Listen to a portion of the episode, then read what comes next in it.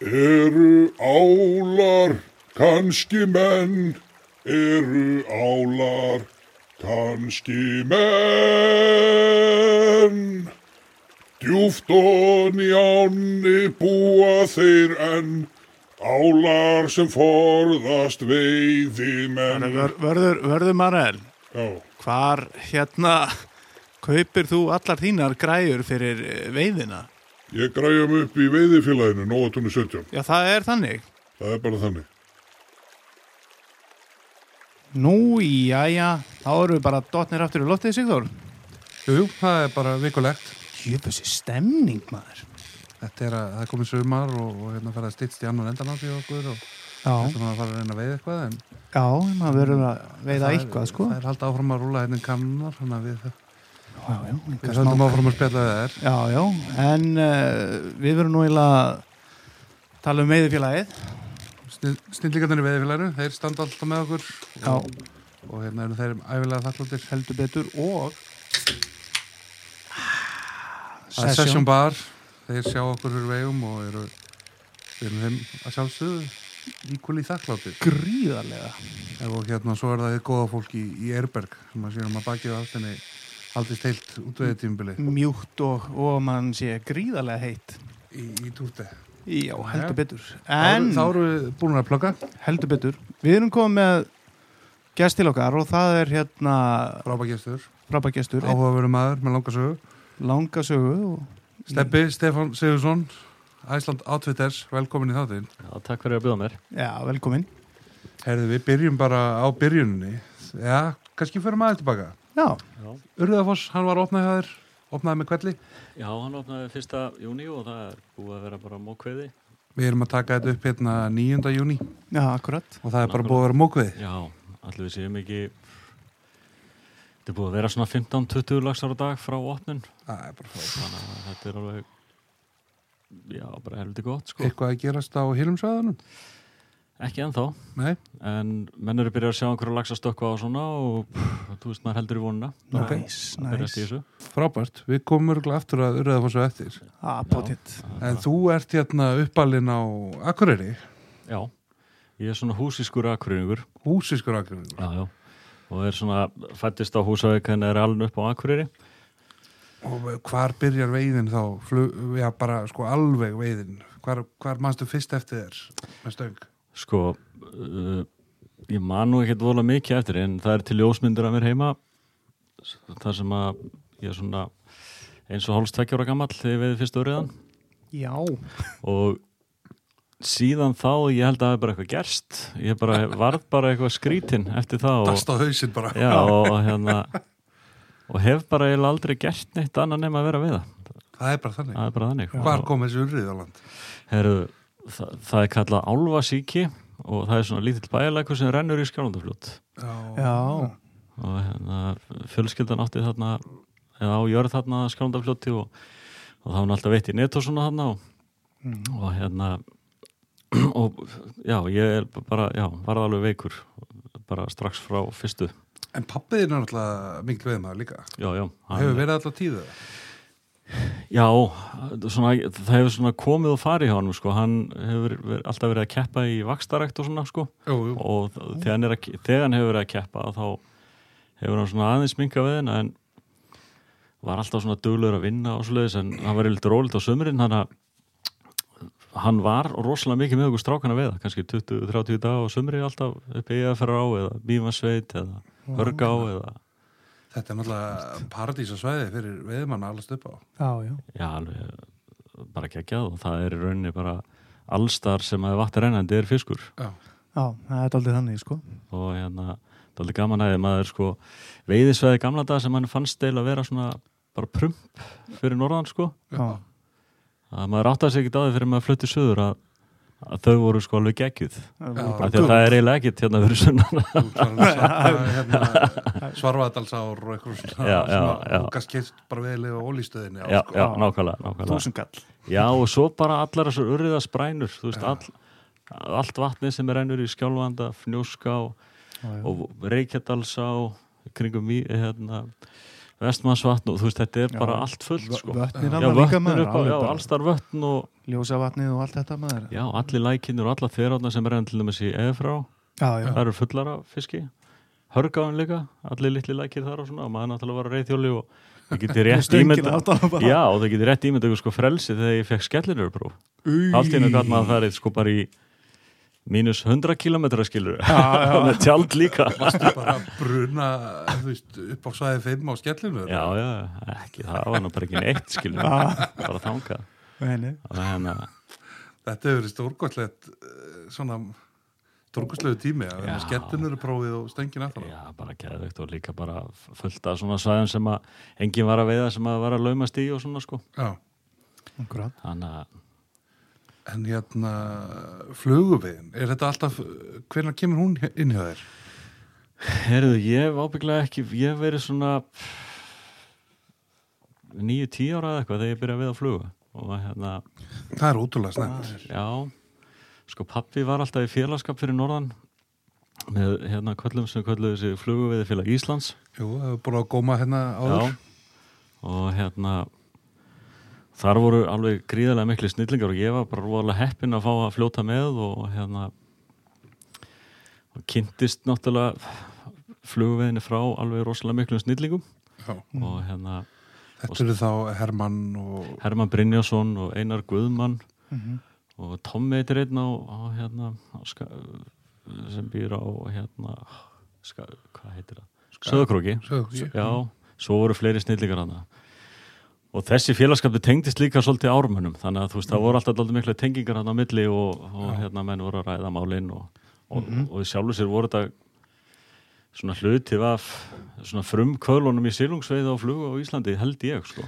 Ég valli mitt Ragnars kom aðeins inn á það að þeir hafa svona verið fyrstir að potast í þessu upstream Já. tökuvara, þunga púpur, Já. pælingum. Já, og ég man bara þegar ég var að byrja að veiða á flugu svona tíura að þá var maður mikið í Laxadal og Mjóasitt og svona að þá var bara veitt á þessuna bara Black Zulu og og einhverja svona flugu sem við erum ekkert að nota í dag. Og kannski einn mesta byltingin á þeim tíma var bara noblerar, eitthvað þú veist Já. með augum sem sökk skilur Já, Já. strímur sem sökku og hérna og í mörg ár nota maður ekkert nema noblera þú veist bara, og líka þeim á fyrir lags það var bara svartu noblir í lags sko.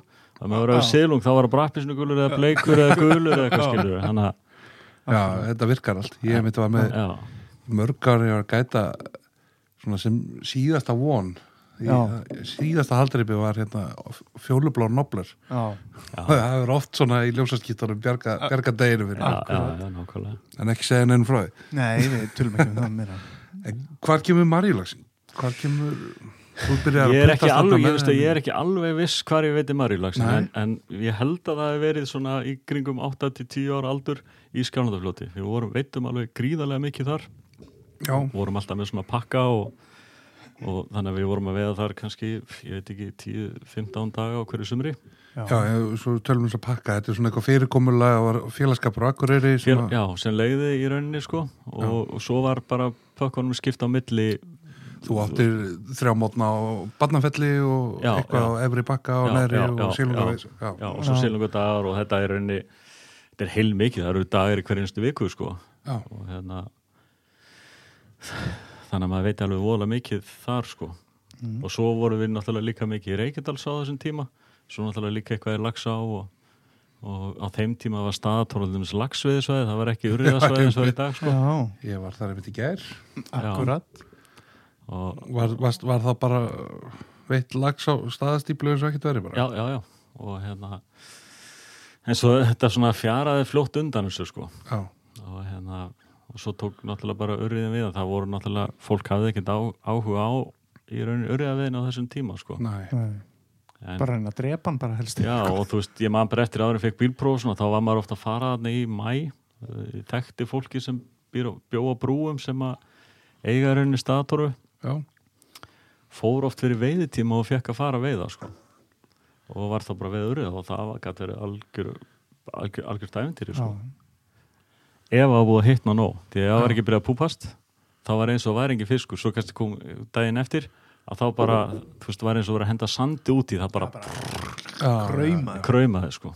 Og alveg geggjað. Og ég mani mitt á þeim tíma þá einmitt var maður að veiða á kannski möllir Black Zulu og eitthvað svona sem að maður kannski er ekkit vola mikið á nót í dag en, en eru samt góða flugur skilur já, já, virkulega, við réttar já, núna gætur þú kannski farið í mæ áðurlega að byrja að búbast og sett einhverja tungstenn og, já, já, og náð þeim niðri Já, já. við botnin sko. já. já, já.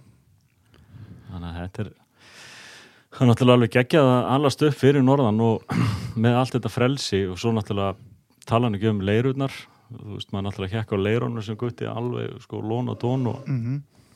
Veitti, fyllt í póka og svo fóð maður í fyrstbúðuna og seldi og, og gætt kestir einhver á spúna og eitthvað svona drast sko. ah, geggja, þetta er romantík já, já og, hérna, og svona fyrsta vinnan sem ég ég var ábygglega ekki verið meir en tíu ára þegar ég byrjaði að týna maðk og var að selja öllum kollanum heima og og svo nýta flugur, nýtti alveg óheimi á noblurum, því að það var erfitt að fá það, það var ekkert að kaupa það sko Nei. já, já. hérna já, já, þannig að ég byrjaði snemma alveg á, kafi í þessu öllu saman sko. Og já, eins og orðað er hérna þú hefur kannski bara lítið gert annað þetta er hann að vera stúsast í þessu. já, náttúrulega en hérna fyrsti flugulagsinn, er hann eftirminnilegur eða, eða fellur það líka í, í þetta kóf? já, ég man ekki eftir honum sko. Nei, þetta er bara verið stanslu sveiði já, Já. Ég vil þetta magnað maður Mm. Það er náttúrulega bara gúrmið. En ég man samt sko þegar ég var gutti að þá veit ég tölvört marga lags á svarta noblur nummer 2 og það hefur ábygglega verið eitthvað þeim sem voru fyrstu fyrstu lagsandi Já. já. og hvar ertu, þú veist, ertu þá bara út um alltaf þinn skjálfandafljóti eða varstu að gaufa eitthvað fyrir eitthvað landstæðar?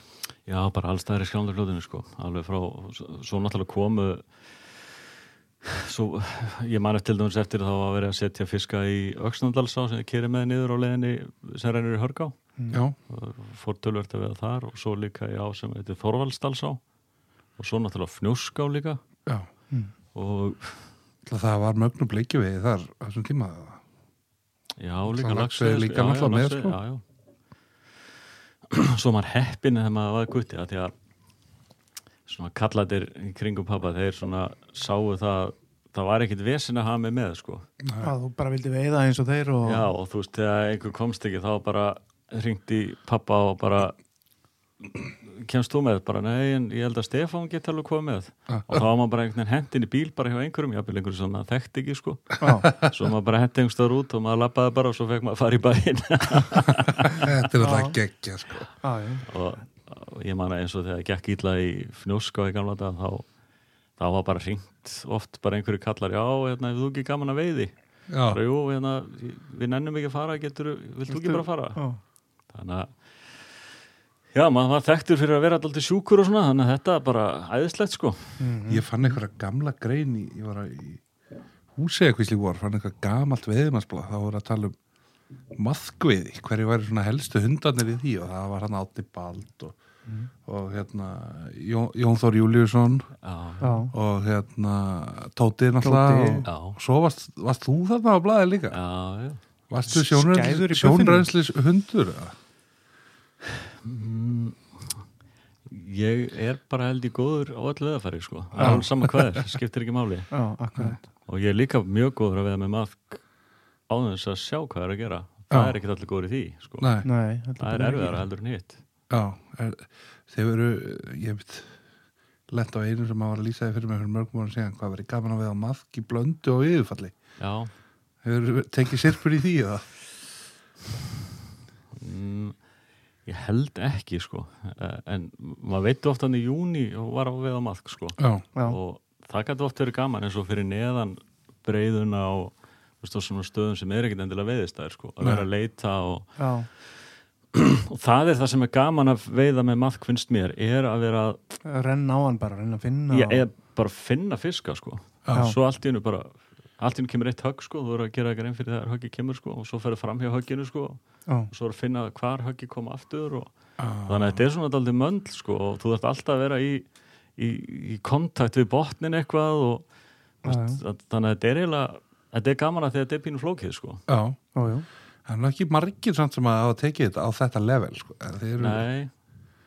En þú veist það er náttúrulega líka eitt að vera svona mikið að veiða í ám sem eru jökulár þar sem að þú sérði ekki neitt og alltaf skjálfandafljótið er það var gintært í dag þegar ég gerði já, það. já, verið en það getur þú veist, það kemur hittabilgja í næstu viku þá er það farið í kakó í einn dag eða kólnar og svo er bara skjálfandafljóti þannig að þú veist sumadagur hún alveg eins og gín og aðra daga erum bara svolítið litu sko en þú getur samt veitt á math kannski ef þú veist Mhm. nákvæmlega hvað hann er og, og setur það á réttan stað sko. Já, og hérna en svo náttúrulega bara eins og þjórsá líka þannig sko, ég menn það er Já, erfitt að finna hann og oft og, og svoleið sko en þú veist, mér finnst í rauninni bara allt, öll veiði þannilega skemmtileg sko. Já. Gaman að fá fisk. Ég, ég, ég Gaman, gaman að finna fiskin Gaman að finna það, fiskin það er gaman að taka þess að glímu þú veist, það er til dæmis eins og fyrst þegar maður var ungur sko, þá var geðið gaman að þetta mókveði sko. Mhm. núna kannski emma er að sækjast meira eftir eh, alltaf svona challenge vatni. Veist, ég er til dæmis gaman að veða núna í fnjóská sem er ekkert enn til að gefin sko.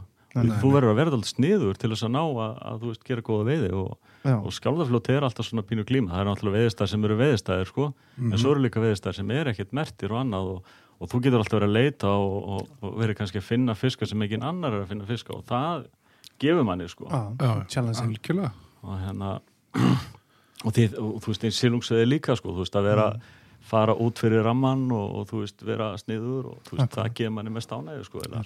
Það er eins og margir hafa sagt við okkur en það það er, þeir eru búin með mókveðina þá eru að reyna að finna rétta fiskinn eða Já, rétta eða, staðinn eða fá, veist, stóran á þurrflugu eða veist, bara búa sér til eitthvað eitthva sport innan sportsins sko. mm, mm, Aha, aha. En skjálfandafljóti er nokkuð mögnu veið á og, og það vatn sem að í hann rennur svart á og, og ég hef nú aldrei heyrt eiginlega bara nokkuð mann segja orðum eins og, eins og djúbá Nei, það, það, það er, er, hún einhvern veginn fer bara algjörlundi ratarinn já, það, ég held að mest veðst í henni bara um 300 laxar einhvern tímann í góða ári sko. magna. og þetta tveggjast hann á sko. og þannig er heljan að lagsast í já, Já, kemur hann niður á barnafellið já, ekki? jú Mm. og barnafellin náttúrulega þar að leiðandi alveg rosalega góðu veðistæður sko. já, já, og er af svona bestu flugveðistöðunum í áni því að það skiptir einhver máli hvernig þú kastar líninu út því hún kemur alltaf rétt inn sko. þetta er veginn þannig að veist, það er hægt upp fyrir landið og svo alltaf verið hraðar, hraðar, hraðar, hraðar. Þannig að hún kemur alltaf einhvern veginn Það rétt, réttir alltaf úr línu fyrir þig og, og, og, Þetta er, er svakalegu staðar, ég hef nú ekki veitt á barnavellin, ég veitt þarna Östubakka Efri á móti. Já, já, og þar var einhver mikill meistari sko, aldin höfðingi á móti mér sko, já, sem var þarna, þá var þarna einhver hlaðin betti eða eitthvað leir já, já, já. hann er vissu farin, nú er komið játbetti á það já, ok, Aðeins þægilegra. Já, þetta er, já, hinn var nú heldur góður sko. hann var svona hlaðinn og þú veist, ef það var skýta veður og svona, þá varst alltaf með svona smá skjól og svona sko. Já, hann var með sko eða ég veit ekki hvort það var eða hvort hann hefði komið með það en hann tók eitthvað tvo lagsa á, á ormin sko. Já, svo eitthvað gekk eitthvað illa í árið sko og þá lagðist hann í bettan og, svaf þar bara í svona klukktíma. Svo vaknaði hann aftur og, og tók þriðja og fór svo heim. Já eins, og, eins, og, eins og að gera þetta bara. Alveg, þetta var alveg stórmeistara verkun hjá honum sko. já, já. en sko það er vola fá sem gerir sér grein fyrir hvað þetta er góður lagsveið á. Það er, ég held ég að við tekið saman svona lauslega sko, þú veist að hún er ein af hún er í topp 30 við bestu lagsveið ára á landinu sko. Já, Heil gert sko. Og, og, ég átti, ég var hann í september með ein hendu já, og bara var að kasta bara litlum túpum já, ég held ég fengi, ég var nú bara haldur leiði blindar hann nokkurn veginn sko. Já, Eða, hann reyndi að reyri með mig yfir hann hérna stein á vaði. Já, já. en hérna svo, svo voru þetta, ég held ég að fengi ykkur fjóra og fimm lagsa þarna já, þennan dag og já, það var helviti gaman þannig að svo var þetta strákum með mér hérna sem var með orm og fikk helviti stóra fisk hérna í hvað er þetta, fosspóllur já, fórspóllurinn og hérna, En það er oft svona haustinn að sko fyrir neðan gljúfrið það eru oft kallað vestur, vesturbakki. Að sko það sem opnast gljúfrið og það eru bara rísa stór breiður bara niður eftir öllu. Mm. það getur verið fullt á haustin af laxi sem er að rigna því að hann rignir ekki í gljúfri nei, og það getur verið mjög gaman mitt að veiða einmitt vesturbakkan svona á haustin. Ég man eftir einhverjum heil hérna græn heil. Já, stóri og litli grænhilur Já, ég lappaði þetta úti með einenduna eitthvað og svo bara svona Æ, ég veit ekki hvar ég á að byrja eða hvar ég ætti að enda, sko. Ég veit bara fjallist hendur Já, og fór í land, sko. Nákvæmlega. Ég ætti bara, ég ætla ekki að byrja á þessu. en maður þekkir þetta ekki og... Þetta var fínt að það, ég fór í einhvern pálshill, pálsbreið, það er staður. Tótaklöpp, Já, fekk hætti tvo já, það Það var helviti gott. Er- En þetta var helviti eftirvinnulegu dagur og skemmtilegur og síðan hef ég veitt hann á Ístubakka neðri líka og í hann já, útfallinu kvíslinni hann á útvallinu. Það er, þessi kvíslin nú, Já, Svakaleg sko ég vissi nú ekki bara að hún var í tilfellin sána. Nei, og þú ert alveg bara komin í einhvern allt annan heim líka þú ert í henni sko Ég hætti bara svo rosa gróið og Já, Já, ok. hrattvatn og ég, mynd, ég get ímynda mér svona fyrir mannin sem er með reynslisökkuna og, og kann að beitinni að, að vera að dífa hann undir kvítrisi. já, já, það er alveg Sé konfekt bara. Já, það getur verið En sko, skemmt, eitt skemmtilegst veðstæðurinn á Östurbakki næri hjá mér er eiginlega útfallið það Já. sem fer úr Það er risastór veðstæður hann leynir svo mikið á sér að sko þú getur að leitt eigin með veiðan sko. þú veist að finna nákvæmlega hvað hann er sko. þetta eru litla rennur sem hann getur leið í maður byrjar vestamegin svo jafnvel fer maður yfir veiðir hann austamegin Mhm. og svo jafnvel fer maður á bátnum og stjóra og kasta sér niður í líka sko. Ég var að brasa við þetta, Já. misti þarna gríðastóran fisk eftir um baratu. já, Svo fekk hérna bróðir félagið sem, sem ég var með hana, hann fekk hérna daginn eftir 94 cm hæng, helfíti flottan sko. Þetta var í, já, eitthvað lók júli eða eitthvað. Já, nákvæmlega. Já, mér er svo gaman að vera þarna því að mér líður eiginlega svona eins og í gamla dag. Þú veist, maður fer þarna og þú veist, að róa á þessum bát og vera að labba þarna og þetta er svo miklu kraftar eitthvað og mikil náttúra, sko. Og það er ekki sjans að þú sjáu neitt eða neitt, sko. Þú veist, þú ert bara einn þarna, sko. Já.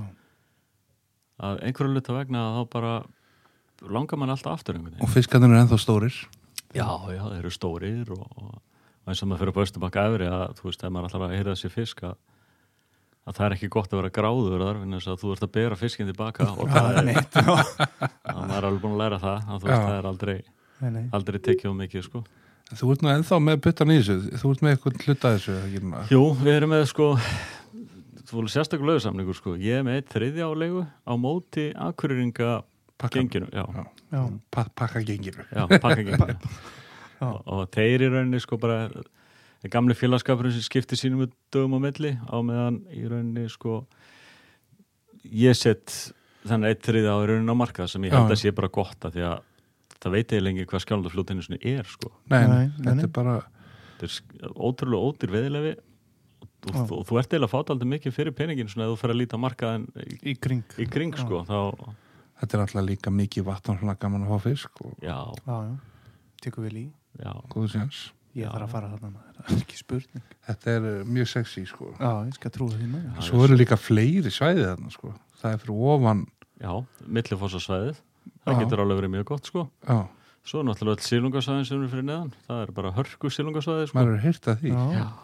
og sérstaklega sko kinnafjalla megin eða sko akkurura megin Já, Mm. að það eru tölvört mikið af fesku vatni sem að er að renna í onni og það eru svaðalegir hérna bleikjuslóðir sko já.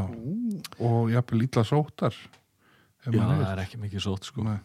Ekki, veist, það er líka bara ef þú býr fyrir norðan, þetta er náttúrulega þetta er ekkit vola margir sem búa fyrir norðan. Og með þetta endalösa vatna við það eiga fyrir á hörga og lagsaðum í og þú, Mhm. bara you name it. Þetta, Já, þetta er bara fiskur allstaðar sko. Litla og bara, að, já, þetta er bara endalust og þá náttúrulega er þetta bara þannig að þú veist já, menn fara bara það sem þeir þekkja það er alltaf til leifi og þú veist, Já. eitthvað Já, þannig sko. já, já.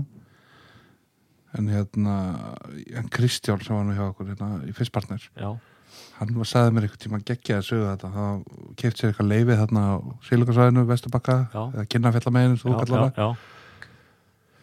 Og verið þarna á okkur gúmibát, eitthvað sem hann hafi kynst í Rússlandi eða eitthvað, þetta var eitthvað, eitthvað lítill gúmibátur, sko. Já, og var að eh, róa þess út í holma þarna sko. já, já, og svo var hann að veiða bara eitthvað vatn sem enginn hafði kastað á allt sumari sko. já, og þar var hann að fá laxa sko. já, einmitt. Já, Já, ég trúi því alveg, ég meina það er alveg sko risa svæði sem að bara er aldrei veitt þarna sko. Já, en þú veist, að fara á gúmi tussu út í skjálfatarfljóð þú varst náttúrulega að vera eitthvað veik sko. allir það ekki Kristján er alltaf ekki starra rófunu þar. Já, en ekki, Það er- hann er náttúrulega mjög drengur. veiðiveikur sko. Hann er mjög veiði, já, já, já, já. það er alveg það sem er eitthvað menn áfram í þessa vittlisu já, já, já, já.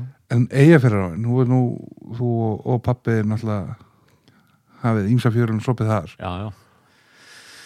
Já, ég hef náttúrulega bara maður er eiginlega bara alinn upp meira og minna að veiða þarna á þess, ég er frá sko alveg frá bara öllum, alveg frá því að vera að veiða nýr á leiruvegi og alla leið bara upp upp í upp á bara nánast upp í laugafell, þú veist upp á Já. hálendinu sko. Já, og, var þetta ekki algjör veisla? Jú, í gamla daga, það Já. var það. Og en ég held eitt af því sem eðlaði ána var púpuði mann hafa talað um það Já, einmitt. þetta er, þetta er oföflugt viðtæki. Já, já, fyrir, já þú getur staðið í sama heil bara, hundra bleikjur og þú getur bara, ef þú ferði ekkert úr því að þá getur þú klárað á endanum sko. Já, já, og það var eiginlega svolítið þannig og menn náttúrulega kunni, kunni sér ekki hóf sko nei, á þeim tíma. Við náttúrulega vorum vanir að veiða alltaf streamer og eitthvað og þú veist, þá fyrst eitt, tvo í hverjum hil og svo fórstu bara í næsta hil skiluru og, já, já, og svo leið sko og svo kannski komið aftur kannski og fengið einn eða eitthvað. Já, já.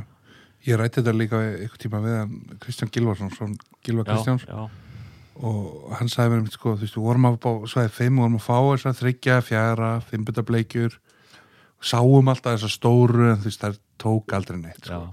svo kemur púpuveðin og allt í hennu byrjuðu bara að veiða þær sko, já, og sláða þær í nakkan alltaf já, já. Já. þetta var allt róta maður já, já. en svo hafa náttúrulega kannski þarna veiðifélagi verið að í malatekju og skriðuföll og, og og hamfaraflóð og já, sk- já, voru einhverja skriður og fór ekki líka einhver virkun sem var sett upp og sem Jú, var já, var svona, jú, jú. Þannig að það er- það er skilsamt hún sé eitthvað að reysa úr sér núna hún er að rétta við maður. en það er miklum, þú sko í gamla dag að ef maður fekk sjóbyrting þá þú veist, fór maður að sagði frá því og þá fannst öllu það merkilegt sko Mhm. núna er þetta eiginlega bara mikið af sjóbyrtingi sem bara virðist vera að taka svolítið yfir held ég sko Já. Já. Það er jákvæmt og þeir eru farnir að sleppa honum í ríkara magni líka. Já, Akureyringarnir þú líka eða? akkur er einhvern líka. Okkar, okkar bestu menn. Já, jú já, já. já, já, það er náttúrulega bara það er einhvern veginn af sem áður var að þessi, þessi, þessi akkurera stimpil sé á á söðuninsa standard. Góður. Já, það er líka bara magnað að sjá þú veist eins og þessir ungu veðmenn sem að hafa verið að koma upp núna á síðasta áratug að hérna sko. þú veist þeir margir aðeim bara eru búin að veiða í tíu ár og þeir hafa aldrei trippið fisk og maður bara skilur það ekki eins og sko. Það er algjörlega þannig sko. Já, Ótrúlegt sko. já, ég var um þetta að koma að norðan núna vorum að veið í, mjögsetinni og hérna hópur sem búin að vera það síðan 2012 svona sem að heldur utanum og erum alla 14 stakindar já, og ég held að fyrsta árið hafi nú bara verið byðröð á, á hérna getið eftir að fara með í reik og eitthvað já, svona já, sko. emitt, emitt ég held að það hefði veist, eitthvað 300 og eitthvað örugglega 8400 fiskar eða eitthvað í holinu núna sko. Já, og hérna ég held að það hefði verið eitthvað tíu í kistunni eða eitthvað akkurat. þegar við fórum sko. Já, emitt, Já, já, og, og hérna bara eitt, eitt stór. Já. eitt svona í kringum þetta þryggja fiskar sem eru flottir á grilli sko. Já, Já. emitt það var enginn að fara með í reik sko. Nei, nei. bara, ég man þegar við vorum að veiða svona mikið sko, þá vorum við aðalega að reyna að fá þessa geldfiska sem voru svona 1,5-2 kíló. Frekar stuttir en alveg svona eins og kúlur og silfræðir sko. já, ringd ekki haustið áður. Já, verður ennþá bara mjög flottir sko. já, það voru fiskarnir sem að, maður vildi fá í matinn sko. það eru líka fiskarnir sem að, maður á að geta sko. Þetta er nú bara ekki nei, hitt er svona þú veist, það er hún frekar léleg slöggjaðin í þeim sko. já, já, já, heilega sko. Ég hef mitt lendi í því já, ég get nú alveg sagt þetta ég held að það vænum engir um að drepa mikið af fisk sko, en hérna, ég lendi í fyrra að vera veið í EFRA og hérna tekur hjá mér 70 cm urrið á svæðið þrjú. Já, og hérna þegar hann kemur á landi þá er ljóst að það er ekki hægt að sleppa honum. Já, því meður og hérna ég neði til að taka hann og ég þetta sambandi við yfirverðun og segja hann bjóðu sem til að koma bara með fiskin sko, ég þarf ekki að fá hann Já. með mér heim en hann Mm. segist nú alveg trúa mér og, og sendið með hann heim sko og svo lendi ég í svipu um einhvern útlending sem að í lagsá, dreipur eitthvað 65 cm fisk eða eitthvað. Nema, e, þú veist hann vil ekkert fá með sér heim, hann bara já, drafst. Já, já. og ég er þetta með þess að tvo fiska sko, fer með fiskinur eða frá 70 cm heim, hann er alveg fagur bjartur sko. Já, já. Og uh, hérna svo tek ég 65 cm rigningafiskin sko ég er þykir ekkert gaman að segja hann hann endaði því meður í tunni sko ég gæti ekki hugsa mér að, að borða þetta sko Nei, nei. Hvítur og holdi og alveg svona. hvítur Já, og já. bara linur eins og kæfa Drulla. en já, hann var ríkalega flottur eins og reyði fyrir á og góður Já, já, já, ég skal trúa því maður. en hann hefði örglega geta orðið, orðið eitthvað stærri ef hann hefði ekki reykist á mig hann ég byrði hann bara afsökur á því og blessu sér minningars já, bless, já, já. en hérna þú segist aldrei hafa gert neitt annað en að veiða Steffi, þú lítið þá einhvern tímann hafa reykið í leiðsögumannastarfið. Hvað segirðu? þú þá einhvern tímann hafa eh, reykið í leiðsögumannastarfið? Já, já, ég ég byrjaði að vinna sem leðsögum aður held ég 97 já, og, og hef eiginlega verið í því svona meira að minna síðan þá. Hvar var það? Ég byrjaði, þegar ég var að byrja þá var ég fyrsta árin, þá var ég rosalega mikið í Havaralónsá, Svalbarsá Laxáði aðaldal upp, mikið við Mývasveit og hérna svo svona nokkur ára setna þá var ég komin voðalega mikið í blöndu miðferðar á og alls konar eitthvað. Já. og síðan var ég voðalega mikið var ég ráðan sem yfirleðsum í ytri rángá, var þar í einhvern tíma. Já, svo svona einhvern veginn þróaðist eða starfs mitt einhvern veginn þannig að að ég var náttúrulega að vinna fyrir lags á þá að ég var eiginlega dottinn meira minni inn á skrifstofuna þar já, og var þá í rauninni að stýra öllum leðsögumunum og reyða og, og var síðan á endanum komin í svona sölu stjóra stöðu já. mm, og var þar náttúrulega alveg ótrúlega lengi sko. Já, átna já og já og ég gæti hann alltaf eitthvað pínu á hverjumst á sumri en svo hætti ég þar 2014 og við byrjum með okkar fyrirtæki kringum 2015 í rauninni. Og ég er búin að vera helviti mikið úti síðan þá sko. Já. já, en uh, svona leiðsögumannastarfið skemmtilegi tímar og bara hlýja menningar já já, það er það sko. Yfirleitt er þetta er svona meira skemmtilegt heldur en leðilegt sko. Já, já, já, en það er alveg minnst ótrúlega gaman að vera að vinna sem leðsögumæður þegar ég er bara að vinna sem leðsögumæður já. þú þurft ekki að vera að sím, svara hérna, símanum símanum og e-mailum í hátteginu já, og það er svolítið slítandi að vera með sammála því það er, það er erfitt sko en þú veist, minnst þetta alveg ótrúlega gaman þú veist, þegar maður er kannski bara að einbytta sér því að vera leðsögumæður sko já og þá hafa tímanir í, í þess tilfelli þetta 97 Já, 2000 geðveikt. verið vættalega geggjaðir já, já, gaman er, þetta er líka svo geðveikar ár sko góð Já. tími hann á Suðausturlandinu Já, já. góð veiði já, já. Norðausturlandinu já, já, já. góð veiði og fallegi fiskar og, og hérna þetta er samt svolítið afskekt sko. Maður var í Svalbas á kannski tvær vikur í einu ekki í símasambandi. Einn í einhverjum kofa sko. Veist, þetta var svona Engin var- snjálsými já, þú veist, maður var svona eins og afdala maður eftir þetta sko, þurfti pínu að jafna sig svona.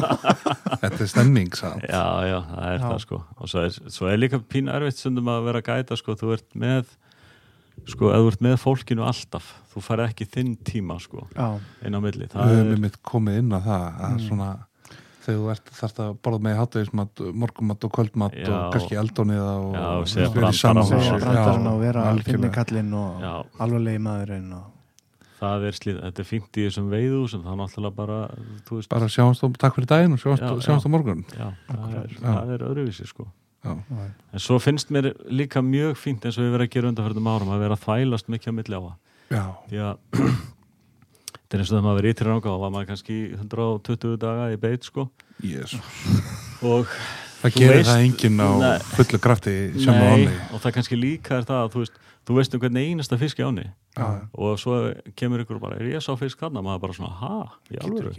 Þú veist, það getur ekki verið sko, þú veist, en með að vera að fara á milli á það einhvern veginn heldur mann alltaf tánum sko. þú veist, maður er alltaf bara, þú veist, ég verð að leita og þú veist, Tjekka allt. já, tjekka og, mann er fyrst skiptið sem ég hafa fengið til að gæta í, í langa og þá viltist ég, ég ætlaði að fara man ekki, ég ætlaði að fara í langasjó já, en fór og vart í einhvern stað sem heitir flugvallastreikur já, já, Já, já, nákvæmlega, þú veist fengur tvo þar, já, það er bara ekki farið það er allt sumarið já. Já, þetta er núna þannig að þú ert að vinna hjá Átna og, og góð hérna í Lagsá já, um, ferð út þar hvað, 2013 eða ekki? 2012 12 ég hætti 2014 já, ok, Já, það er já, 20, já, já, já. hætti í rauninni í júni 2014 og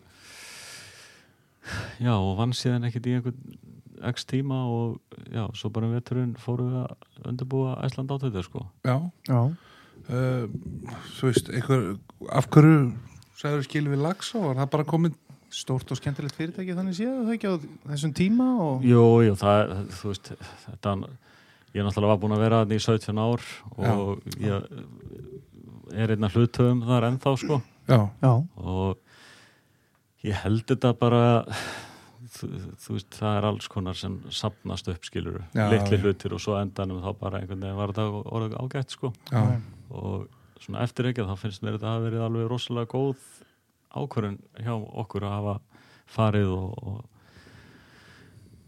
og hérna já það er rosalega gaman í vinnunni í dag sko Þa, það var það ekki þarna á þessum tímapunkti sko. Nei. nei, og var búið að vera svolítið tíma að sapnast svona upp eitthvað og, og þú veist ég meina meðal maður vinnur er ekki tíu ári hverju fyrirtæki eða eitthvað og það skiptir. Eitthvað svo leið þetta er það var bara komin tími. Já, já, all things must pass. Já, en þetta var rosalega góður og skemmtilegu tími þú veist, góða minningar. Já, já, þú veist, það er ekki að vinna í 17 ára einhvers þegar ef það er eitthvað ógæslega leðilegt og ömulegt skilur.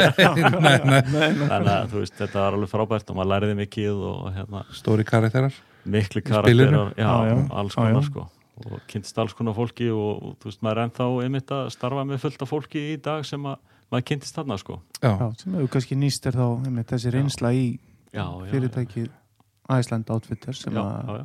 já, Þið þið hafið stofnuð bara reist af miklu mynda brag Já, takk fyrir það. Það er náttúrulega, ef maður er að gera eitthvað sem mann elskar og hefur mestan áhuga á, þá... já, og þetta er náttúrulega hark, þið standið í þessu hjónin og Já, það er Já. engin annar að gera þetta með þið já, Það er nákvæmlega. bara- Já, já. Og þið er náttúrulega þú veist, þið byrjuð, byrjuð ekki hvernig var þetta, að selja veiðilegis í skjálfandarfljóti eða Nei, í rauninni ekki, sko. Nei. Þetta byrjaði eiginlega bara þannig að við í rauninni bara byrjuðum að kaupa veðilefi af öðrum og, já, og, selja. og svona selja. böndla Svona já. treyta bara í rauninni Já. með veðilefi, sko. Svo er það svo skrítið, sko, eins og maður var nú búin að vera að selja mikið á þessum Íslendingamarkaði lengi mhm, og þú veist, þegar ég hætti, þá voru bara sömur sem ég vil bara hætta að veiða. Þú því það náði ekki að ringja í, í hérna, sölumannin sinn, skilur það bara Já, svo Hvað á ég að var gera? þannig að einhverju luta vegna þá er þetta, svo bara hvert á ég að fara að veiða já svo, og hérna, já, þannig að þú í rauninni sittur saman pakkana og selur þá með, þú veist, og þið, þú ert kannski að gæta sjálfur og, og allt þetta. Já, já. Og núna í dag er þetta svona kannski aðeins öðruvísi fyrirtæki það en þegar við byrjum. Stærsti hlutin okkar er þannig að þá erum við að kaupa í rauninni rosalega mikið að veðilöfum af öllum, flest öllum veðilöfsulunum hérna þú ert til dæmis Ok. að fara í þeirra og gera bara á morgun eða ekki Jú, tótt eða á næstu dögum já, já, já, já. kaupim í svona stóru miklu bölki af mjög mörgum veðilöfsulum mhm, sem við síðan sel síðan áfram í smásölu, kaupi í helsölu og sel í smásölu í rauninni sko. já, já.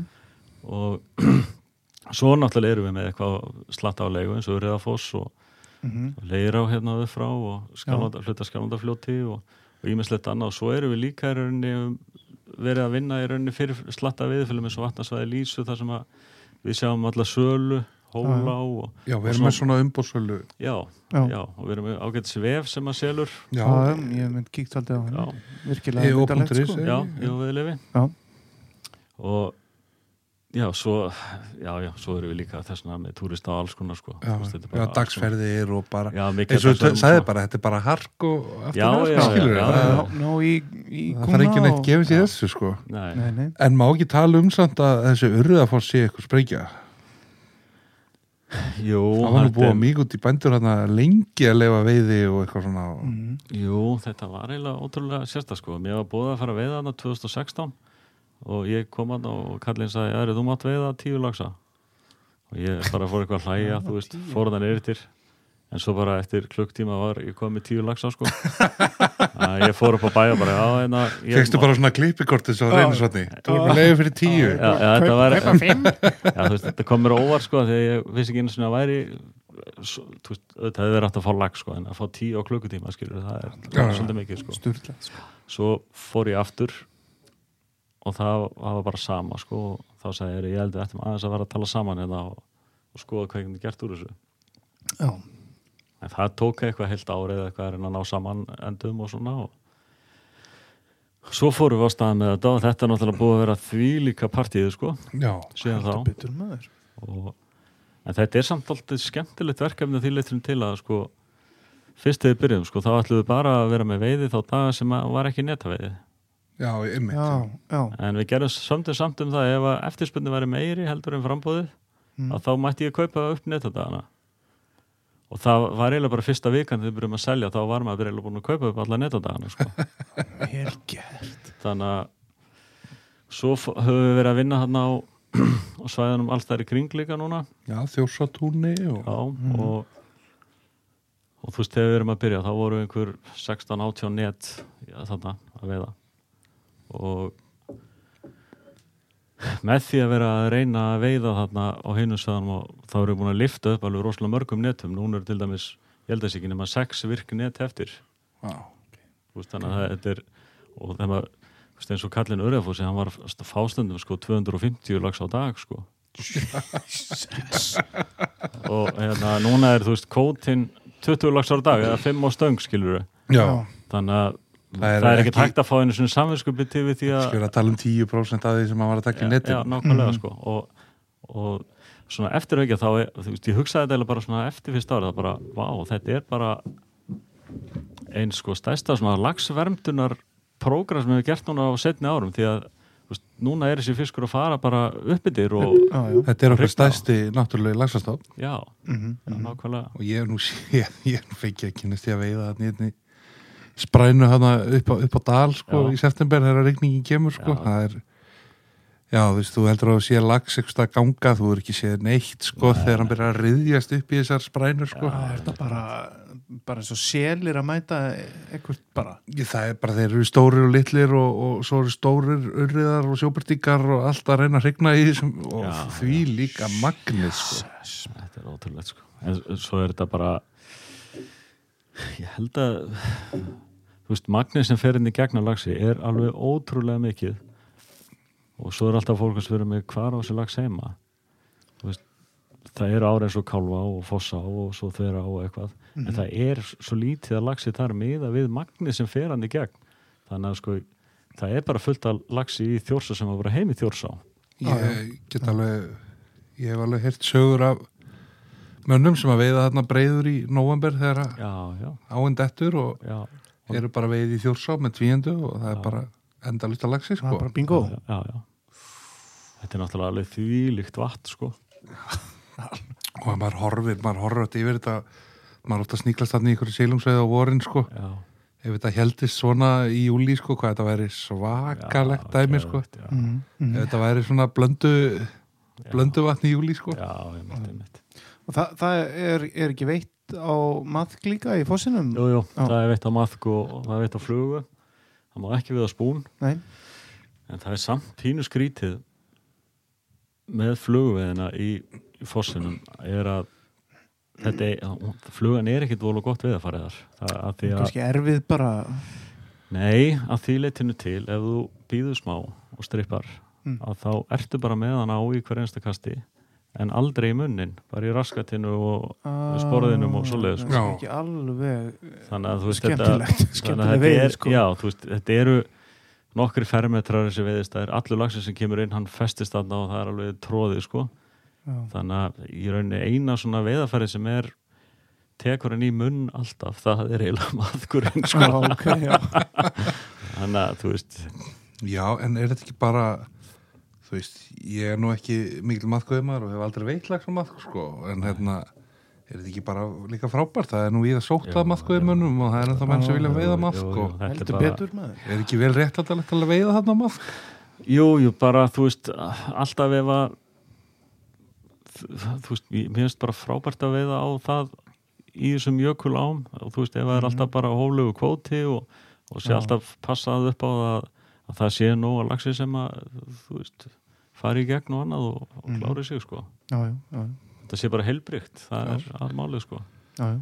en ég, ég, ég myndi ekki fíla að vera með maðki í einhverjum litlum náttúrulegum ám, það er bara mér finnst ekki heima þar sko Nei, nei. en mér finnst alveg heima í þessum jökul ám sko. algjörlega, ég held að ég held að undir getum það sko. verið sammálaðir í því sko. Já. Já, en þú ert líka með litla á hérna rétt norðra borginni Leirá já, sem að já, ég veit að það var frábær sjóbrytisveiði inn í vor. Já. heldur betur. Þeir eru búin að vera með veð og sleppa núna í tvö ára eða hvað? Þetta er þriðja árið núna. Þegar við Og- tókum við henni þá var þetta svona blöndu veiði Mhm. og hún var ekki, hún var bara illa farin sko, já, bara eða ekkert eftir orðið í henni af fiski. Nei. og við tókum það ákvörðun að hafa bara veið að sleppa og bara flugu og, og það má bara ekki drepa neitt í henni. Og maður hefur séð þetta vera að vaksa og stærðirna líka sko Já, maður mitt var að heyra frá kunningi minni sem fóru þannig í vorfið í, núna í bóra og hafa verið að fara sko, jafnvel áður en að þið komuð sko, einhverjus að, að bara það eru bara 10 centimetrar já, það er eiginlega bara þannig sko já. Já, já.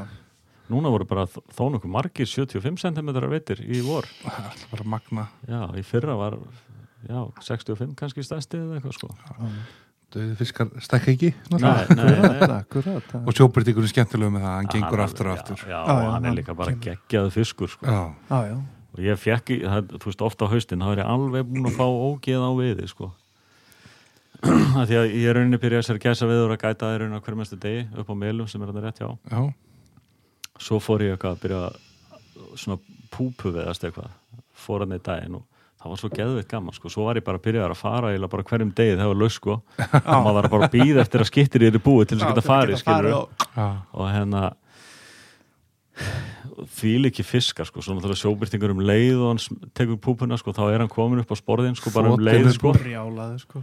Og svona skrýmerar eins og þið sjáu það sko, og, og laxinn, hann er alveg eins að taka púpuna eins og þetta sko, hann að maður vissi aldrei hvað var á sko. hann getur þetta alveg. Já, og, og svo voru þessi sjóbyrtingar bara ofta stóri líka að, að þú veist, maður alltaf bara, ég held þetta þessi lax þú veist, bara í nánast hverja einasti fiskur sko. já, já. Sá það nú enna í, var það ekki hjá þættinum með, með, með Gunnar Bender? jú, jú, hann var með ykkur hérna og þú fékkst einn helviti væri hann Já, það var alveg ótrúlegt því að við vorum með tvo klukktíma með bendir. Það var Já. ótrúlegt að taka upp allt þetta efni. Já. það var bara veisla sko. Já, Og hvora misti þarna stóra já, lax já, og, já, það var alveg frábært. hún var aðeins svo gröð á því sko. Í veiðinni já, já, já, já.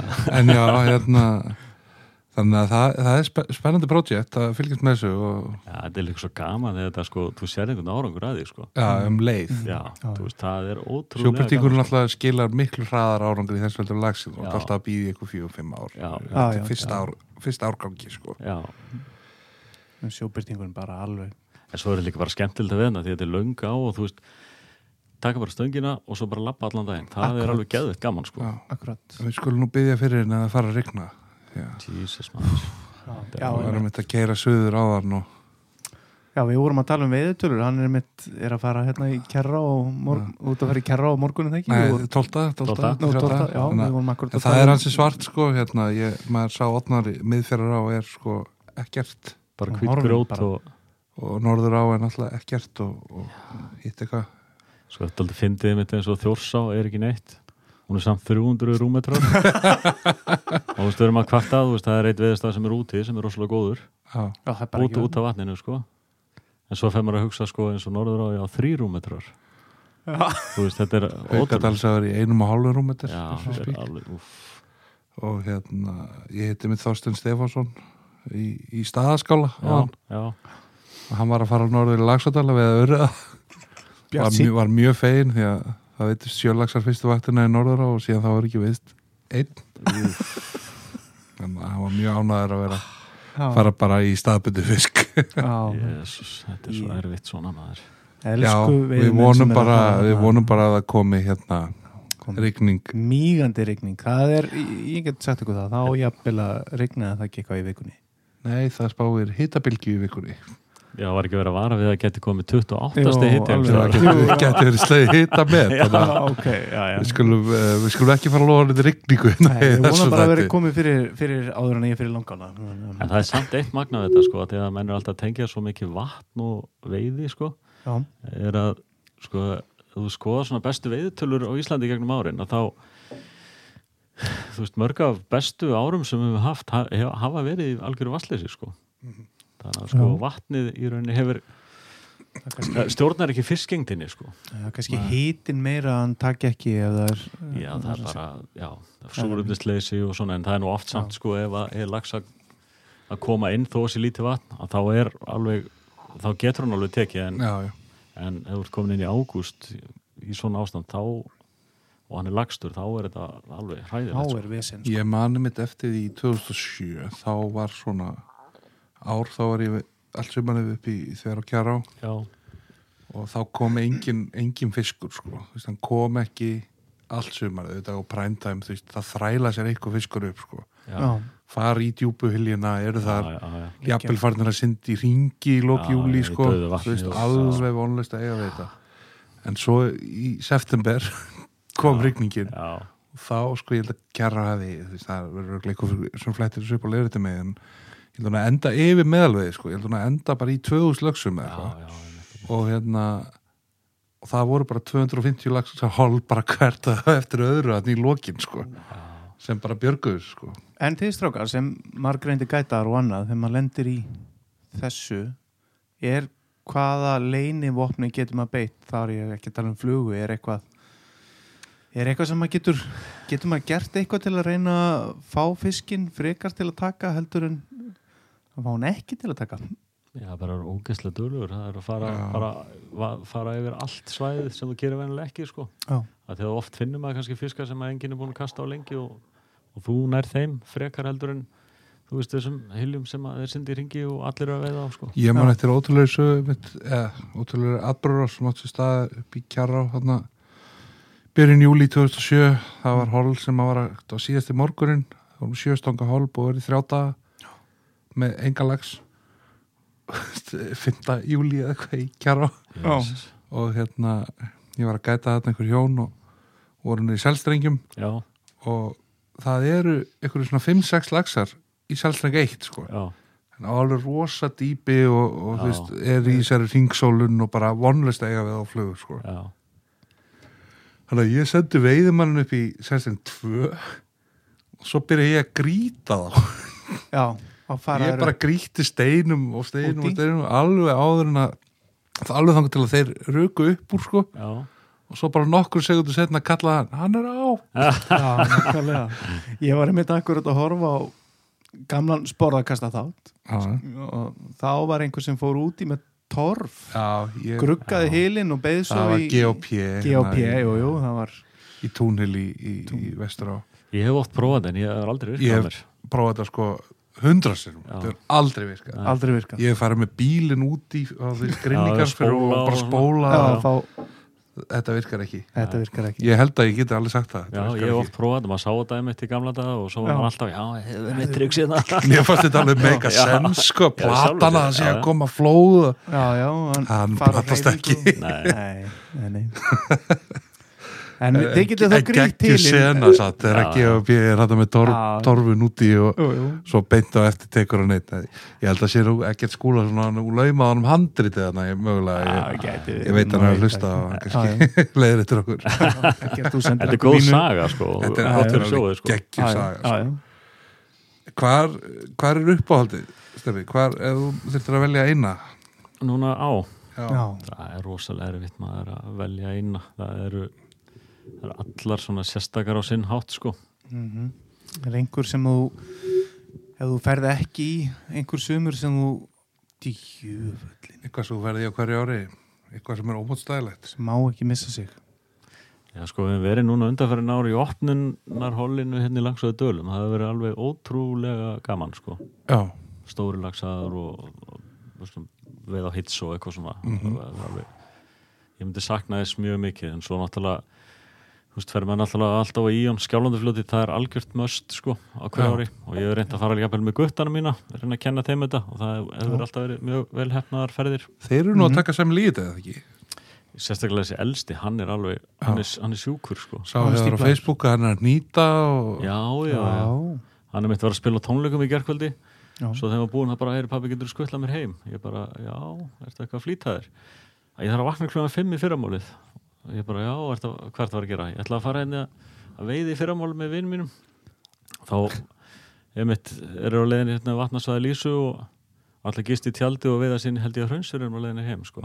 Geggja og hann er hvað, 16 ára? Hann er Hann er klára 17, 17, já, og svo bara, þú veist, vinnur hann og svo kemur hann heim eftir vinnu, beint nýri kópáðslæk eða eitthvað, sko. Sjálfsög, og skítalegur já, en það kemur og það er fullt af fiski og stórum fiski. Já, já. ég er að segja eitthvað bara nýri skítalegurinn. andapolli skilur við það sem að fólk er ekki að öndunum bröð það eru bara dólgar skilur við já, já, og hérna, þetta er allt í skítalegnum. Já, já. Það er nóga næring í, í hérna Hafsteinn er mikill kópársbúi og aðdáðandi skítalagsins. Já, já. mikill, já, mjög gaman, hann er náttúrulega bara já, hann svona virðist hafa fengið þetta frá okkur eitthvað sko. Verður hann kominn á jeppan í gætir í höður næsta sumar eða? Ef hún langar, ég ætla bara ekki að setja neina pressa á hann. Nei, Nei. það er oft erfitt að vera vera sonur, fylla stóra skó. Já, já. Já, Þannig ef þú ert að hlusta, kalli minn, bara rjúktu á gamla og bara taktu jeppan hans og það drullaður í gættirið. það verður auðvitað auðsótt. Hann er svo áhuga sem ég held að eigi eftir að vera alveg mjög framúr skarandi sem veðmaður Já. Af því Það að- verður frábært og gaman að fylgjast með því. Já, Já, já, heldur betur, heldur betur. Heyrðu við, þú nefndir aðan hérna Lagsá, já, þú hefur verið mikið í bæði Lagsadalum Já, og mjög Nýjasveit svolítið. og svona. Mm hérna hefur eitthvað verið þar nýlega? Nei, því miður, það er svolítið síðan ég var hann að síðast. Það er ábyggilega ég man ekki hvernig að síðast en ég var alveg nánast 20 daga á sumri alveg lámark alltaf einu geggja en sko það er líka sko þegar maður bjóð fyrir norðan þá var þetta þannig að þú veist maður kannski var að vinna til fjögur og, og samtíð sem kannski við hólfriðum að fá að byrja veða klukkan 6 og veða til 12 þannig að maður gott keift oft svona bara setni parta. Já, Já, og þegar maður byrjaði klukkan 6 og var að veða til 12 þá var maður kannski einn í áni skilur á kvöldin sko. Og magic moment allt í gangi maður og að ljósa skiptin og bara... já veist vorflugklakk og Já, bara þú veist, þetta, er bara ótrúlega við þess að ég veit bara ekki um neitt við þess að sem að er jafn frjósamt og þetta. Þetta er, það er fáranlega mikil fiskur þarna. Já, það er alveg galið. Um, eins og þessi, þessi staðir eins og vörðuflói og brotaflói og mann er langar eiginlega bara svona að fá að vita hvað er af fiski þarna því að þetta er eitthvað þú sér það þegar gerist eitthvað svona moment? Já, ég mitt eins og brotaflóin og eitthvað svo leið sko. Mm að því að allt, innu, allt fyrir að lifta sér sko. Og jafnvel líka bara ekki einu sinni á veðustöðum sko. Þetta er, það verðist bara að vera fiskur allstaðar sko. Já. þetta er það mikið sko. Já, og hérna en þú veist, þetta er náttúrulega alveg himnaríkita við þessu, mér finnst þetta að vera toppurinn af öllu, sko, það er það. Já, það er það.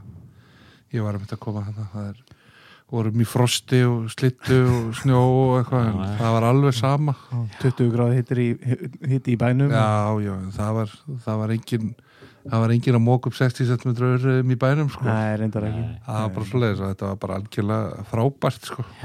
En svo er þetta líka, getur þetta verið gott allt sumari, sko, það er ekkit Já, það er helst að það kemur eitthvað svona hérna, eitthvað þaurugablómi í mývatn eða eitthvað sem já, að Já, sem að... maður lendir í vesinni sko, maður og, en þú veist, þá getur þú veitt á streamer sko, það getur bara hætt þetta þurflugan út og þetta svona. Já, já, já, já, þetta er skemmtilegasta.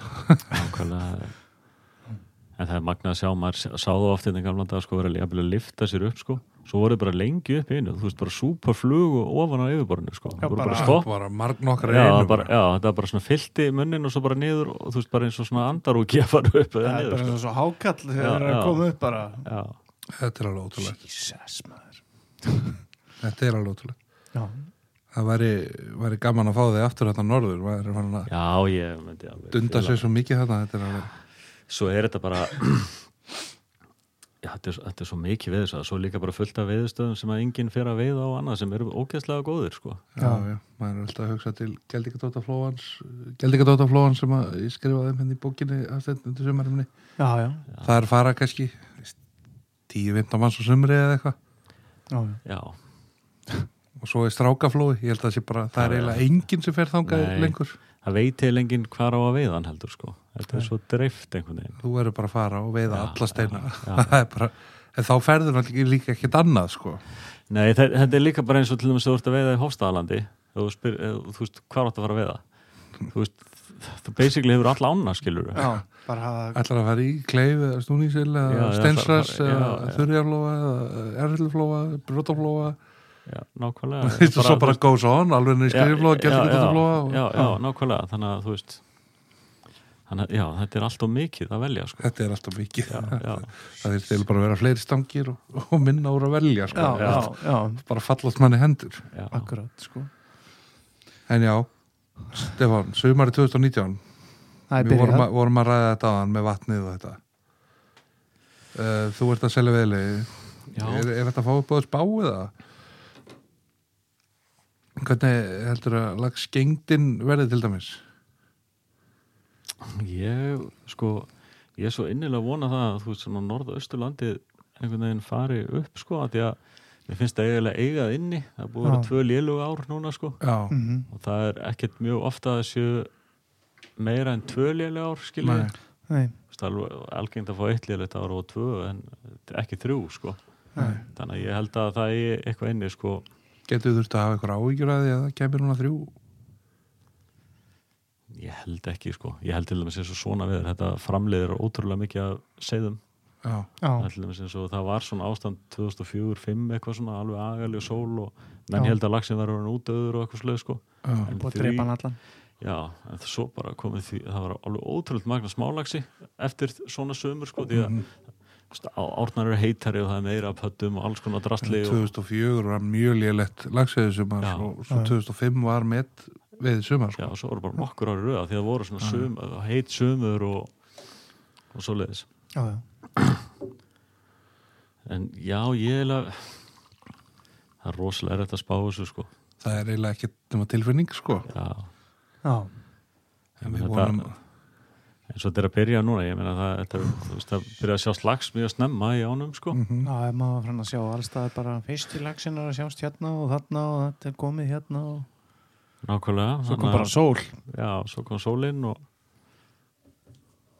en svo hefur þetta byrjað illa átt sko 2007 byrjaði rosalega illa það var á endan mjög fínt lagsu ár til eins og dæmis, við tölum um hérna Já. áðan. Já. Þú veist, það var komið fram í bara miðan júli og maður bara fokk, þetta er bara búið sko. en þá allt í einu bara komu alla göngunar inn og það bara geðið stuð. Akkurat, en við erum alltaf líka að horfa á núna við erum að tala um smálagsin undan 2014 já, sem að var ekki sérstætt kallt voru fyrir. Nei, Kalt og árið líka undan sko. Já. óhefmi vatn og já, ég veit ekki. Þetta er sko. þetta er náttúrulega alltaf lotteri og á við að vera náttúrulega- lotteri það er líka við getum pælt í þessu fram og tilbaka en, en 99% af þessu gerist í hafinu. Já, já, og við vitum einfallega ekkert hvað, hvað þar fyrir fram. Já, það er bara ótrúlega margir óvissu þættir sko, sem við vitum ekkert sko. Töluvert það er hvernig klaki gengur er mikið arðurán, Mhm. tekur hafi vel við þessu og slendaði einhver áföllum Mm. þú Já, veist, það er svo margt sko, sem að Já. voru einhver vorflóð sem voru mjög alvarleg. Já, já, já, var án að riðja sig og svona sko, þú veist, þetta hefur allt áhrif. Heldur betur, heldur betur. þannig að en, En- en nú ég er held til að- dæmis þú hefur veitt mikið erlendis. Já, bæði í Rúslandi og í Skotlandi. Já, já, veiðin núna í Rúslandi fer mjög vel að stað. Já, veiðin í Skotlandi fer mjög illa að stað. Já. Svona heldur að við getum tekið eitthvað lærdóm frá því? Ég, ég kann ekki að lesa þarna mitt á Nei, milli sko, en, Höfum við eitthvað geta miða okkur við eins og Skotland Nei, eða nei, við höfum svo sem aldrei ár frá gert það. ári eða þannig eða? en þú hefur veitt svolítið þarna. Hvernig, Já, er, já, ég farið held ég 17-18 sinn til Skotlands að veða já, í spegi og allt þetta. þá eða? Já, D aðalega, Spey líka North Esk og einhverja fleiri líka.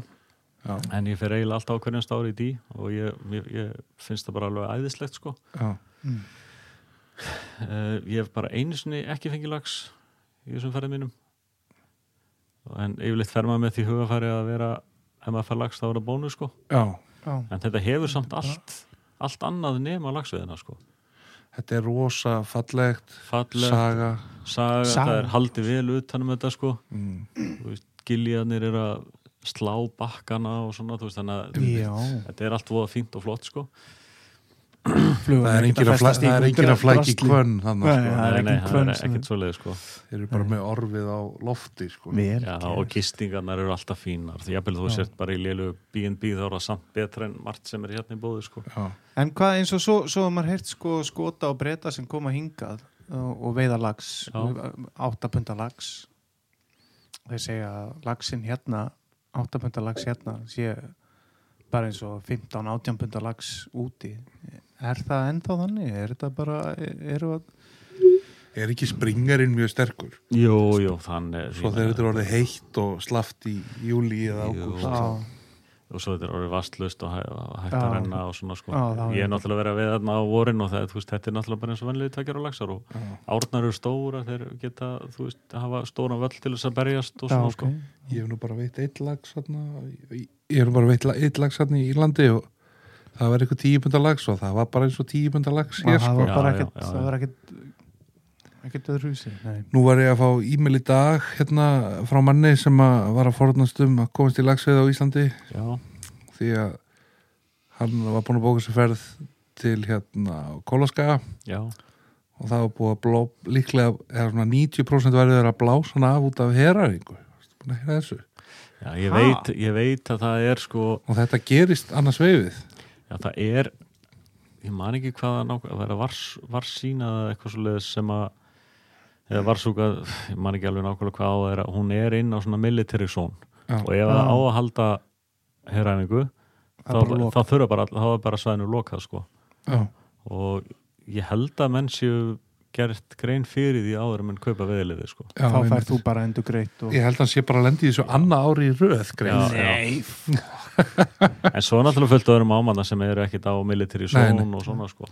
Að þú hefur veitt þarna í Rúslandi já, já, og ég kom með það nokkur sinnum og skemmtileg veiði og... Já, já, ég menna að þetta er náttúrulega ótrúlega magn, þeir eru náttúrulega bæðið með stóra lagsa og svo eru líka með ár sem er svona magnveiði sko. Já. Já, sem er bara veitt og, og svo náttúrulega bara veitt og sleft og svona er og það ekki svo þessi var sína var sínaði svona magnveiði og, pon, og pónói líka. Já, og hérna, en svo eru náttúrulega eins og kóla og jókanga og, og fleiri ár sem eru aðalega, menn er að fara fyrir stóru lagsana sko Hefur þú tekið stóran lags þarna? Ég hef stærst fengið 25 pundar lagsana Það sleppur Það já, sleppur. já Ég tek En það finna við að sko, þú veist að því við erum að tala um sko, ég hef aldrei gert neitt annað nema að veiða Mhm. að þá hef ég aldrei fengið 10 kíló lags á Íslandi aldrei Já. og ég hef bara séð það mjög sjaldan sko líka Já. Það er nú magnað maður Já. en, Ertu það með að þá við 10 kíló eða meterinn eða gamla daga var náttúrulega var alltaf kíló inn bara. En þeir verðast nú spretta undir öllum steinum fyrir ákveðna menn og, og ekkert fyrir aðra. Já, já, það er bara Þetta er ótrúlega já, ég hef bara ekki Ég var að segja mér þykir það eiginlega bara ótrúlegt. Já, Já, já. Hva, Hvað heldur þú sér búin að veiða marga lagsa hérna? Hvað þúsundir? ég bara hef ekki hugmynd um það sko. Nei. Slag upp í tótatönnu ég held ég sé búin að vera helmingi meir en tóti tönn nei, nei, maður er búin að veiða alveg einhvern helling sko. Þú veist, maður er náttúrulega verið mjög virkur að veiða og og svo náttúrulega oft er að veiða í, í rángunum og svona það sem maður hefur verið að veiða og rosalega mikið magn í einu og svona sko. Já, já. Þannig að ég hef ekki hugmynd um hvað ég er búin að veiða og ég skil eiginlega bara ekki menn sem ná að telja það sko. Sérstaklega sem er að vinna í þessu sko. Nei, vá. Nei, ég skil það ekki heldur. Nei, nei. Nei. Sumir halda til. Hvenar, svo er það ofta grásaði hvenar þú veiði fisk og hvenar kurniði veiði fisk nákvæmlega. En já, mér finnst það eiginlega magnaði því að þeir ná nú að halda, halda tölu verið þeirra hana Tóti og, og Átni Já. ég las eitthvað um það Er Hva- átni hvað- líka með tölu? eða? Já, hvað var þetta sem að Tóti var búin að veiða? 22.000, nei, tu- eh, 23.000 Já, það var eitthvað 20.600 eitthvað minn, minn og Átni er eitthvað í, þre- í einhverjum 16.000 og eitthvað, eða eitthvað svona Já. Ég skil samt svona upp af svona tölunar hjá Tóta eins og til að byrja með því að þetta náttúrulega var bara eins og útgerð honum, sko. þá var bara haldið bókald og, og kjötkaupmaðurinn hann var að kaupa Hann þetta mikið seldi. þá náttúrulega var þetta allt skráð niður sko. akkurat sko. Og, hérna, og, og kannski hefur hann farið, byrjað að telja að því að þetta var alltaf til sko. Já, ég skil það sko. Þannig að En eins og talan í átna að vera tefnum 700 lögsum yfir 20 pund, það er náttúrulega Sjá, það Já. er mikið sko. 700 Gjössalega Það er náttúrulega búin að vera rosalega mikið í Rúslandi og svona í Já. Já, já. En sérstaklega í Rúslandi þar telur þetta sko því að það eru margir ég held að veiði kannski ekki endilega svo rosalega marga í Noregi en Nei. þeir eru stóri sko, samt það Já. sko Já. Þetta er magnað maður, það væri maður væri, ég hef alltaf svona langa að vita þessa tölu, en eftir að heyrta þessa tölu frá átna og, og tóta, þá var nú kannski bara best að vita það er ekki neitt Já, ég held að, ég held að bara, bara pínu lítill kall sko, það er nú bara einhvern veginn þannig. Já, já, já, já. En þá er það kannski bara sumarið 2019 veiðin, hvað hvert ætlar, hvað er planað hvað er búið að versla? Sko þetta er nú alltaf svolítið óakveði sko en, en ég er náttúrulega fór ég er náttúrulega búin að fara núna tvisar sem urriðafoss og Já. sem náttúrulega gekk alveg vonum fram að bara eins og hefur verið sko Já, já, myndir hafa Já, og- síðan hjá okkur og annað Svo hefur nú alltaf reynd að fara einhvern tíman í júni kannski einu sinni á Íonsvæðið eða eitthvað svoleiðis, hefur voru gaman að því Já. og líka ofta á þessum tíma þegar þetta svona mesta mókið er búið Já, Já.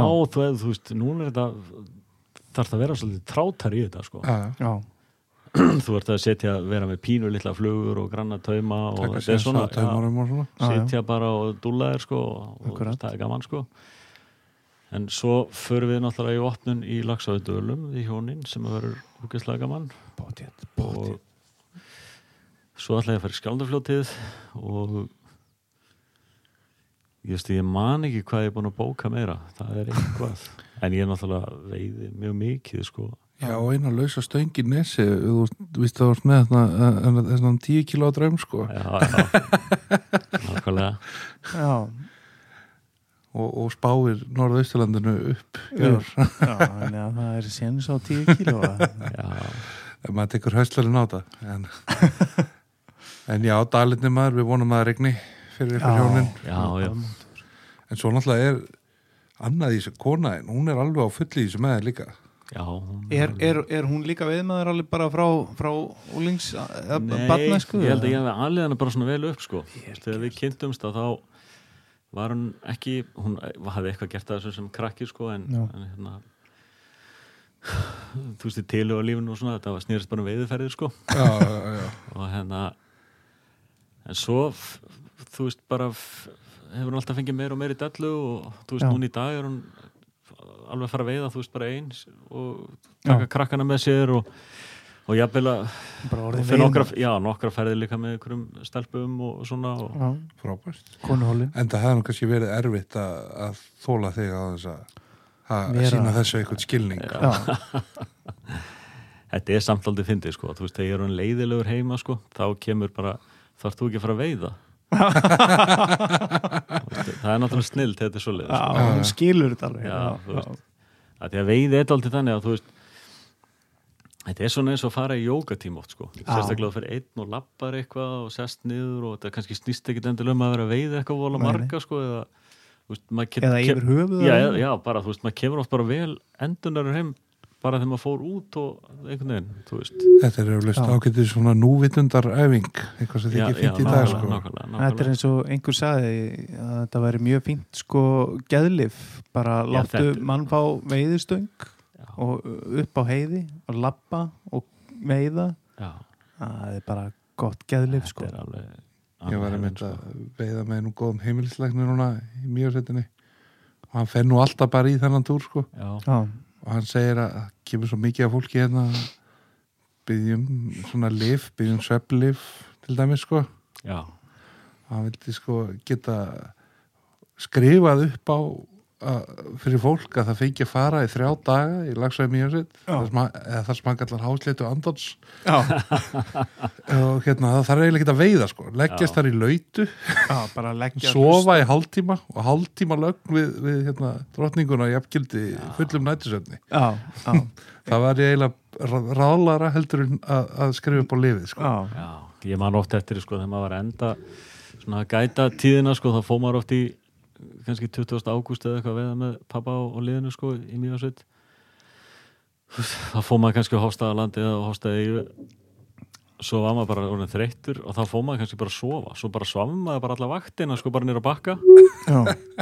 Og en vissi samt alltaf um nógu stöðum sko til þess að redda sér sko að að veiða. Það algjörlega þurfti ekkert vola mikinn tíma sko í það. Já, ég var mitt með og núna þrjá bæmir hennan, hennan ónefnda lækni og, og tvo aðra félagi sem að kannski ekkit eitt jafn miklum tíma þarna og ég sko. Já, fyrsta vaktin í snjóstormi og hérna og við svona klárum það að koma öllum í fisk um áttaleitið sko. Já, og hérna allir búin að fá nokkra sko.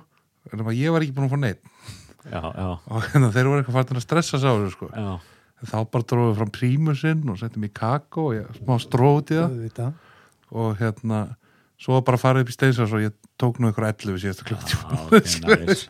þannig að þetta var, var nú ástæði löst að stressa sig en það, það er svo það er svo margar hliðar á þessu líka gaman að svona geta gefið og, Já, já, akkurat. Og oft bara gaman að vera í veiði þó maður sé ekki að veiða sko. Já, já, félagskapurinn maður og bara áinn og þetta er eins og með þess að vorfið sem er að fara í apríl alltaf sko, þú veist, það er ógeðslega kalt og það er, það er ekkert með því að fara að veiða sko, en Nei.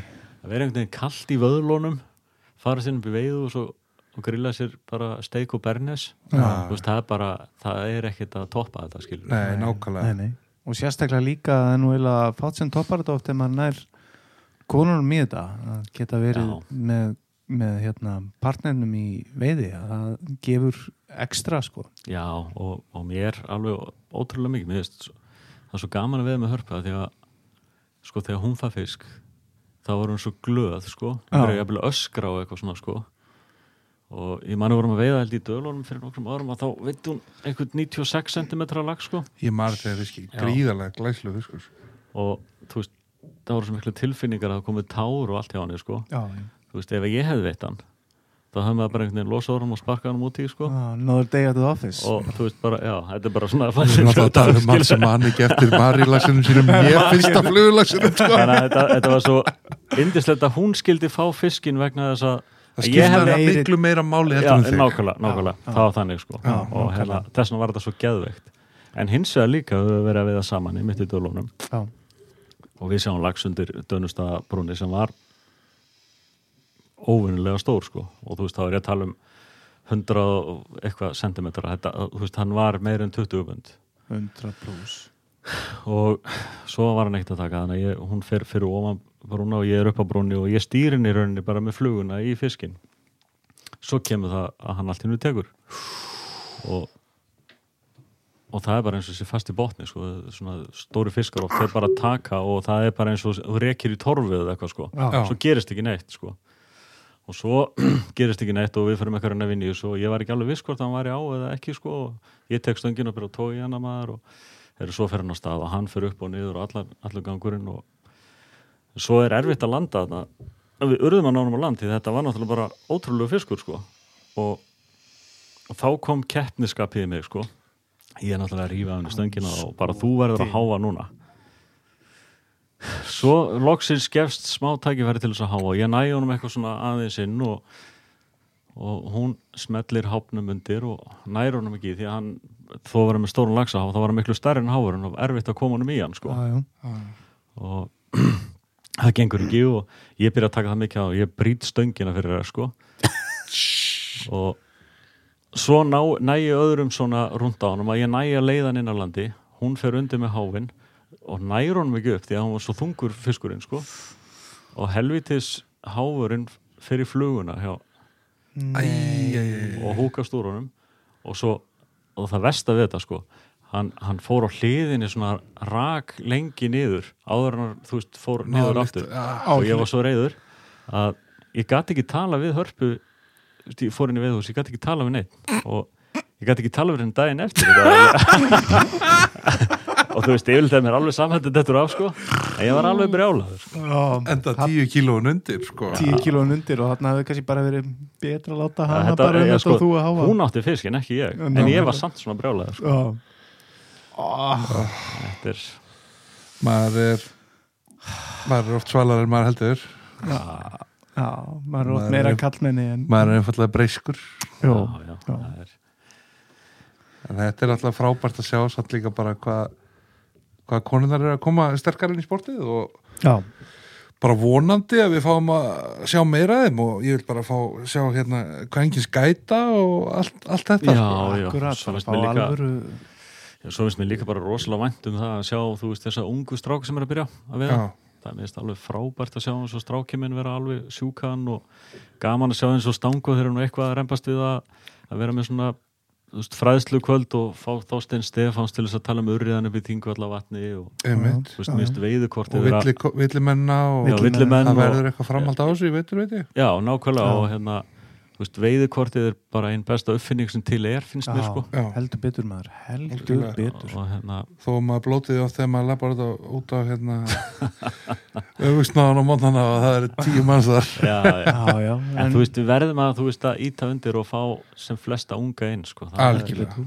heldur betur Svo þetta haldi áfram, sko. og svo er svo gaman líka sko að þessir, þessir ungu krakkar eru þeir eru miklu, miklu betri en meðal skápurinn sem á að byrja fyrir 20-30 árum sko. Já, já, já, þeir eru með aðgangin á upplýsingunum og allstað þetta eru rosa trátarar þessi gæjar sko. Já, þeir eru allir að detta- svakalega flottir, sko. Þetta, enda líka þegar þú ert skiluru hvað ég var að segja, 16 til 18 ára þá ert ekkert með kapital í að fara bara í Það þrjá, ekki fjóra bara gengið, lagsviða á bara á ári. Nei, nei, ég meina það, þú veist, ég náttúrulega var upphaflega er ég bara trátari, sko. Alveg bara frá að til öða. Já. en ég meina það er náttúrulega fnjóskáin var í þannig félagi og svona Já, já, þú veist það var hægt að komast kannski Já. þegar þú varst norða maður í þetta sko já, já, Já, já. og þú veist, allt í lagi verðum og svona. já, En fyrst og fremst er maður silungsveið maður, sko, Já. alveg, og það er náttúrulega besti grunnur af veiði. það er besti grunn Já. það er erfið að fara einlegin inn og einn Já, miklu erfiðara. Ég meina þú getur gert margt með að svinga flugu eins og lagsveðinni en Mhm. þú ert ekki að fara eitthvað að svinga bara flugu skilur í urriða Nei, Það er nei, bara- nei, þú fer ekki langt á því þannig nei, það er eitthvað, eitthvað minna sko Já. Ólíkt, sko. já, en þú veist trátari góðu trátari, hann verður mjög fljótur að vera alveg framúrskarandi lagsveðmaður já, betur. einmitt. á meðan sko framúrskarandi lagsveðmaður verður mjög lengi að vera framúrskarandi urriðaveðmaður sko. ég held að það sé alveg rétt greiningu mjög, mjög. Við báðum þig um hérna eins og aðra sem komið þáttinn Já, herðu, Sigþór, ég ætla nú bara, nú ætla ég bara að fá að stoppa. já, Þetta er tímamóta þáttur, Sigþór. já, þetta er tímóta Þetta er þáttur tímamóta þáttur. ég, Eh, Ég ætla nú að byrja á því að, að segja ykkur frá því að, að hérna, viðmælandi þáttanins, ég er nú síðan nokkur sem á sviði, þar sem að hann eh, spilaði gítar og söng með hérna, góð sem hann kendur hljómsveitinni Brain Police áður en að Jens Ólason stökk þar á bakum mikrofónin og svo náttúrulega fellur eplið stutt frá eikinni að, drengurinn hans er söngvari og bassaleikari ja, mús, hérna, Sigur músíktilrauna. já, Já. blóðmör Það er sagt svona æstur út af því að það er komin hérna fellow eh, svona rockari. Já, ekki bara rockari Sigþór, þetta er alvöru böllur.